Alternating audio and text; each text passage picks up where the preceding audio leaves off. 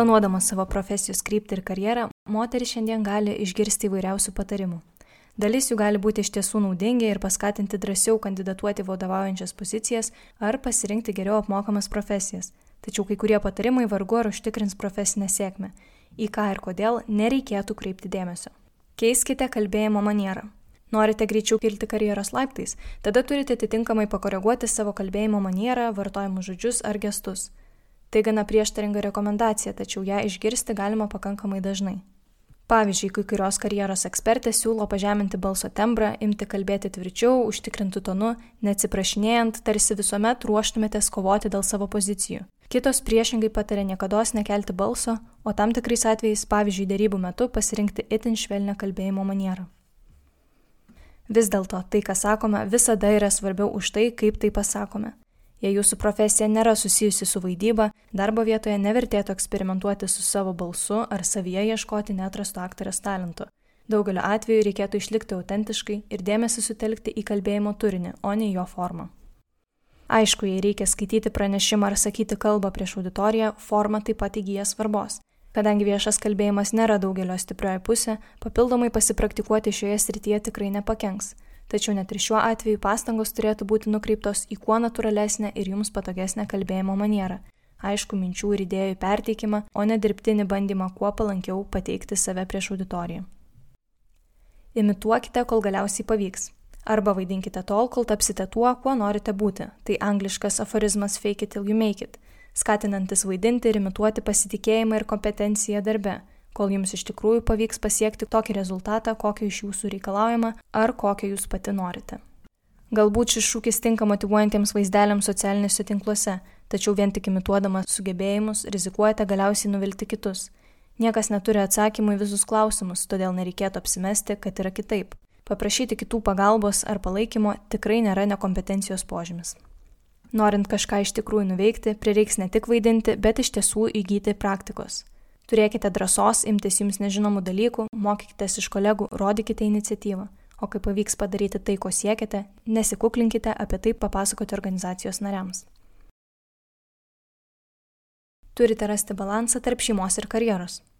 Mūsų kultūroje dėl įvairių priežasčių įprasta tikėtis, kad moteris motina eina motinystės atostogų, dažniau lieka su vaiku jiems sergant, rūpinasi darželio, mokyklos ir burelių poreikiais.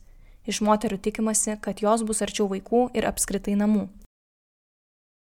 Kaip tai suderinti su karjera? Paprasto atsakymo čia nėra, tačiau jei kalbėtume apie idealų balansą ir siekį, kad visi būtų patenkinti, turbūt tektų dirbti apsimetant, kad vaikų neturite, o juos auginti tarsi nedirbtumėte. Visgi tiesa yra ta, kad viskam laiko kaip taisyklė neužtenka, todėl dažnai prireikia kompromisų ir vienam ar kitam dalykui tenka skirti mažiau dėmesio.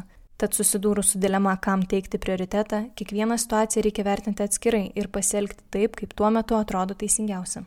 Vienu atveju tai reikš didesnį dėmesį vaikams ir šeimai, kitu - darbiniams reikalams ir galbūt prašymą antrai pusiai, kad jis tuo metu pavaduotų šeimininiuose reikaluose. Balansas tarp šeimos ir karjeros nėra užfiksuotas rezultatas. Tai procesas, kuris niekada nesibaigia. Todėl rasti, o juo labiau išlaikyti balansą sudėtinga, tačiau tai nereiškia, kad jo apskritai nereikia siekti. Pasidžiaugkite, kai tai daryti seksis. Ir per daug nesigriauškite, jei kartais subalansuoti savo dienotvarkės taip, kaip planavote, nepavyks. Gerai dirbkite ir būsite pastebėta.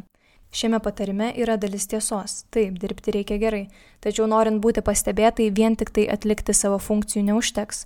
Tikimybė būti pastebėta organizacijoje, ypač didesnėje, padidina du dalykai - gebėjimas pristatyti pasiektus rezultatus ir turimas mentorius. Pirmiausia, dar per darbo pokalbius neretai pasireiškia tendencija, kad moteris linkusios nuvertinti savo kvalifikaciją, o vyrai ją dažniau sureikšmina. Šis desningumas būdingas ir įsidarbinus. Todėl, jei apie savo pasiekimus iki šiol vengdavote kalbėtis arba juos laikydavote nevertais pagirų, reikėtų keisti požiūrį ir išnaudoti progas apie tai pasisakyti. Antras dalykas yra mentorius. Tai yra labiau patyręs ir aukštesnės pareigas užimantis kolega, kuris gali suteikti žinių apie efektyvius darbo metodus, papasakoti apie organizacijos vidinį gyvenimą, padėti tobulinti reikalingus įgūdžius. Kokią įtaką jis gali turėti karjeros krypčiai?